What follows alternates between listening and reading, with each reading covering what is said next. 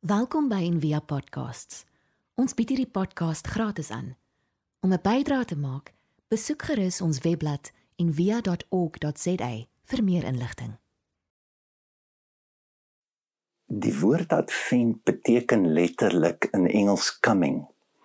En in die antieke tyd het 'n koning wanneer hy 'n dorp besoek het, het hulle gewoonlik 'n boodskapper vooruitgestuur en dit was die advent genoem om net te sê dat die koning kom en dat jy moet regmaak dat die koning jou kan besoek. En dit was gewoonlik mense was buite hulle self want die koning kom besoek ons dorp. Nou Advent is die tyd wat ons noem voor Kersfees en die kerk het verstaan ja, daar's 'n belangrike aankondiging dat God na ons lewe toe kan kom deur Christus en ons moet regmaak vir dit. Ons moet voorberei. As jy die Advent volg, dis van die vroegste tye af in die Ou Testament. Is daar profete, is daar engele? Is daar gewone mense wat hierdie boodskap het dat hy kom en dat hy gaan gebore word en dat ons moet regmaak vir dit. Die gedeelte wat ons vandag gelees het in Lukas, hy vertel die storie so. Hy sê en hier's die aankondiging dat as hy kom gaan dit 'n goeie tyding wees van groot blydskap. Maar wat baie interessant is, is amper hierdie paradoks en hierdie konflik ook, want die engel sê eers, hoor jy julle moenie vrees nie. Dit lyk my hier's 'n patroon dat te midde van ons diepste ontwrigtings, ons vrees, is daar die belofte van 'n gekwalifiseerde blydskap. Dis nie 'n blydskap nie. Dis 'n groot blydskap. En vandag weet ons dat daar 'n groot skuif gekom en is amper moeilik om te kan dink maar jou omgang met hierdie verhaal en met die lewende Christus wat gebore is wat ook in jou lewe gebore kan word kan veel groot blydskap bring. Ehm um, die klem is amper nie so seer op die ervaring van die persoon self maar eintlik op die ervaring van die gebeure rondom Kersfees. Dink dit was C.S. Lewis wat al baie vroeg in sy werk gesê het, weet jy hier het 'n verskriklike breek gekom tussen die godsdienstige en die gekommersialiseerde viering van Kersfees. En blydskap het amper iets geword soos soos die Engels nou sal sê be of good cheer of hoorie dank die Here dis Vrydag of die naweek is hier of hierdie opbou of die vakansie net kan kom en ten minste is is Kersfees ook deel van die vakansie. En ons eintlik 'n verskriklike lang en ek dink 'n stief geskiedenis wat ons op hierdie plek gebring het dat ons die groot blydskap, die die blydskap wat uit God uitkom, dat dit eers langs die pad verlore gegaan het. Nou ek wil nie so baie daaroor praat vandag. Ek kan miskien net 'n paar goed sê. Kersfees is nooit gevier in die kerk nie. So vir 400 jaar, want daar was nie 'n geboortedatum nie. Dit was dit was 'n tyd van bepeinsing, gebed, stilte en refleksie. Dit dit dit was meer ehm um, die verstaan van sy geboorte. Maar 400 jaar na Christus was daar 'n paus, Paus Julius. Julius, jy moes geweet het wat besluit het, nee, wag, ons verander dit. Die heidene Ons gaan hierdie 25ste Desember doen want die heidene het hierdie fantastiese groot feeste en kom ons kompeteer met die heidene. So dis net my eie interpretasie. En daar was die geboorte van Kersfees wat heeltemal 'n ander vorm aangeneem het. En dit word gevier. Dit het in die middeleeue so erg geword want dit was soos die Mardi Gras dat dit was karnavalle in 'n uitspattigheid en die puriteine het besluit, okay, stop dit. En hulle het Kersfees verbied. En daar was 'n lang tyd in die geskiedenis wat Kersfees en veral die protestante het sien hierdie katolieke is nie lekker nie. Ons doen dit nie so nie. In stelselmatig was daar pleidooi en in Amerika is dit weer teruggestel en dit het verander van 'n karnaval meer na 'n familiefees. Maar die probleem was dat Kersfees vader was ook nie regtig so lekker ou nie want hy kinders gestraf as jy goed doen kry mooi geskenkie as jy sleg doen dan vat ek jou geskenk terug. En uh, dit is ook verander. Dit dit verander meer in die goedhartige oomie oorgewig ehm um, waarmee jy foto's neem wat net gee en gee en gee want hulle besef ons moet iets skep wat wat natuurlik die geldjies kan laat rol. En ons weet wat se afmetings dit vandag aangeneem het. Dat selfs in Kersvader daar was 'n ou Turkse monnik wat eintlik al sy goed vir die armes weggegee het en hulle het sê maar hoe bring ons Kersfees terug? Kom ons gebruik vir Sint Nikolaas, Sinterklaas. En want hy gee goed weg en dis wat ons moet doen en dis eintlik in hierdie verkoop van die storie het Amerika teruggekoop in die storie in en weer Kersfees begin te vier. En ons is amper nou weer vandag waar die Puriteine was. Hoorie, dis verskriklik, die kommersialisering, dit skreeu teen die hemel en vandag is daar bewegings reg oor die wêreld wat van ryte stukkend slaan en die tronk beland en is nie eens Christene nie wat sê maar hierdie ding is boos dit moet gestop word. Nou kom ons stop net. Ja natuurlik is daar iets sleg in die kommersialisering. Maar ons moet nie die baba met die badwater uitgooi nie. Bel die hele Bybel, die Ou Testament, hoekom het God al hierdie feeste?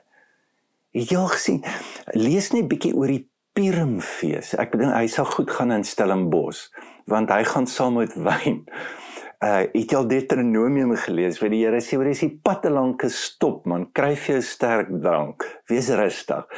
Daar is 'n blik in die Bybel wat ek dink veral Puriteine nou ons lees dit nie maar wat God ons uitnooi na feesvier in die tweede plek in die Nuwe Testament staan vrou en sy vat diersalf en sy gooi dit oor Jesus se voet en die disippels sê nee nee nee. Hierdie goed kom vir die armes gee word Maar dis 'n storie van heilige verkoosting wat God ons mee uitnooi. Nie nie 'n absolute belaglike verkoosting op ons en op maar op alles wat Christus verteenwoordig. Is mooi. En dan enige blydskap is 'n teken van geloof en hoop. Ek wil miskien net dit doen. Kom ons kom ons vra maar hoe stap ons in hierdie blydskap? En in die eerste plek, die hele beeld is 'n kind en ons word ook genooi. Ons ontvang blydskap deur ook kind te word en kind te wees. Ehm um, en en dit is wat so mooi is van Kersfees, net die naïwiteit, die die spontaniteit, die verwagting, die opbou wat 'n kind jy hoef net na 'n kind te kyk. En 'n kind is meer 'n manier van wees hoe ek en jy blydskap uit God kan kry. En ons word uitgenooi na dit toe. Nou Ronald Rolheiser hy sê joy is not just a sure sign of the life of God in the soul, it's the sign of the life of God. Period. Punt. Joy constitutes the inner life of God.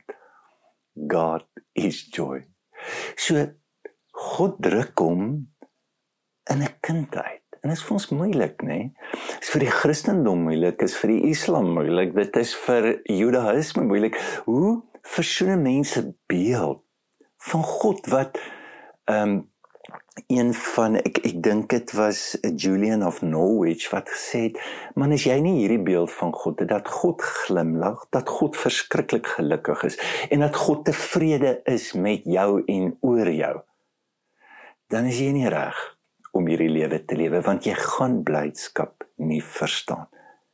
En daar's die blik dit is waar uit die hemel bestaan en dit is wat dit die moeite werd maak om op hierdie aarde te kan leef as hierdie venster hierdie groot blydskap van God in ons lewe kan oopgaan. Nou miskien net iets oor 'n oupa en 'n ouma. Ons weet dat daar's baie keer 'n gevoel en konflik tussen ouers en oupas en oumas want hulle voel hulle bederf die kinders. En dit is seker so, maar is dalk die mooiste beeld wat ek dink 'n oupa en 'n ouma. Ehm um, hulle is bietjie meer gemaklik want hulle is ouer met die nietigheid en met die menslikheid en met die swakhede van 'n kind. En dit is interessant dat navorsing toon aan dat die grootste blydskap word nie tussen ouers ervaar of tussen ouers en kinders, maar tussen kleinkinders en die oupa en die ouma. En is miskien dit, daar's net minder selfbelang en minder spanning. En dis die hart waaruit God blydskap gee. En dan net in die laaste plek wil ek sê, weet jy wat, ons kies blydskap Fransis van Assisi het altyd sê hoe die vergifnis, blydskap, vrede jy moet dit soos wat Paulus ook sê die woorde, jy moet dit ja najaag. En miskien net dit jy, jy soek dit nie op 'n vreemde plek nie. Die verhaal begin, hulle was bang. En die engel sê moenie bang wees nie. Voel hierdie groot blydskap wat kom. En baie keer kom ons blydskap ook uit ons pyn uit wat vir baie van ons baie moeilik is.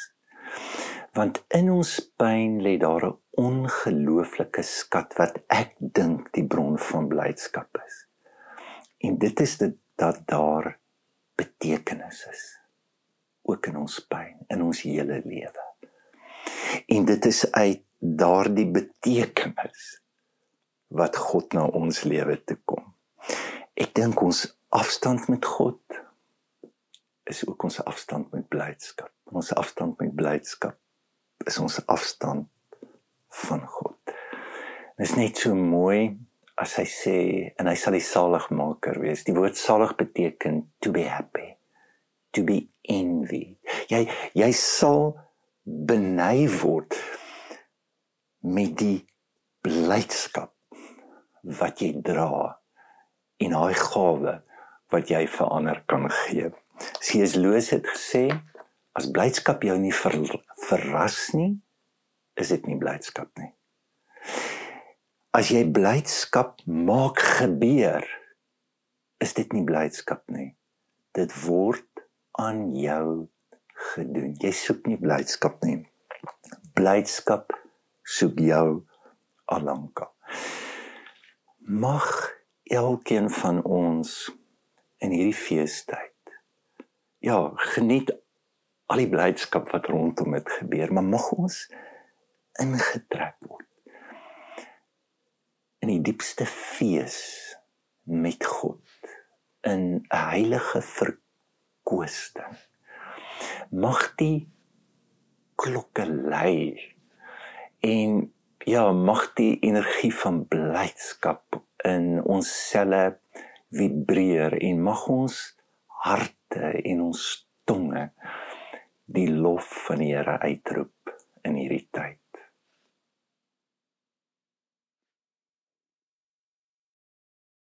Ons hoop van harte jy het hierdie podcast geniet of raadsaam gevind. Besoek gerus en via.ok.za vir meer inligting.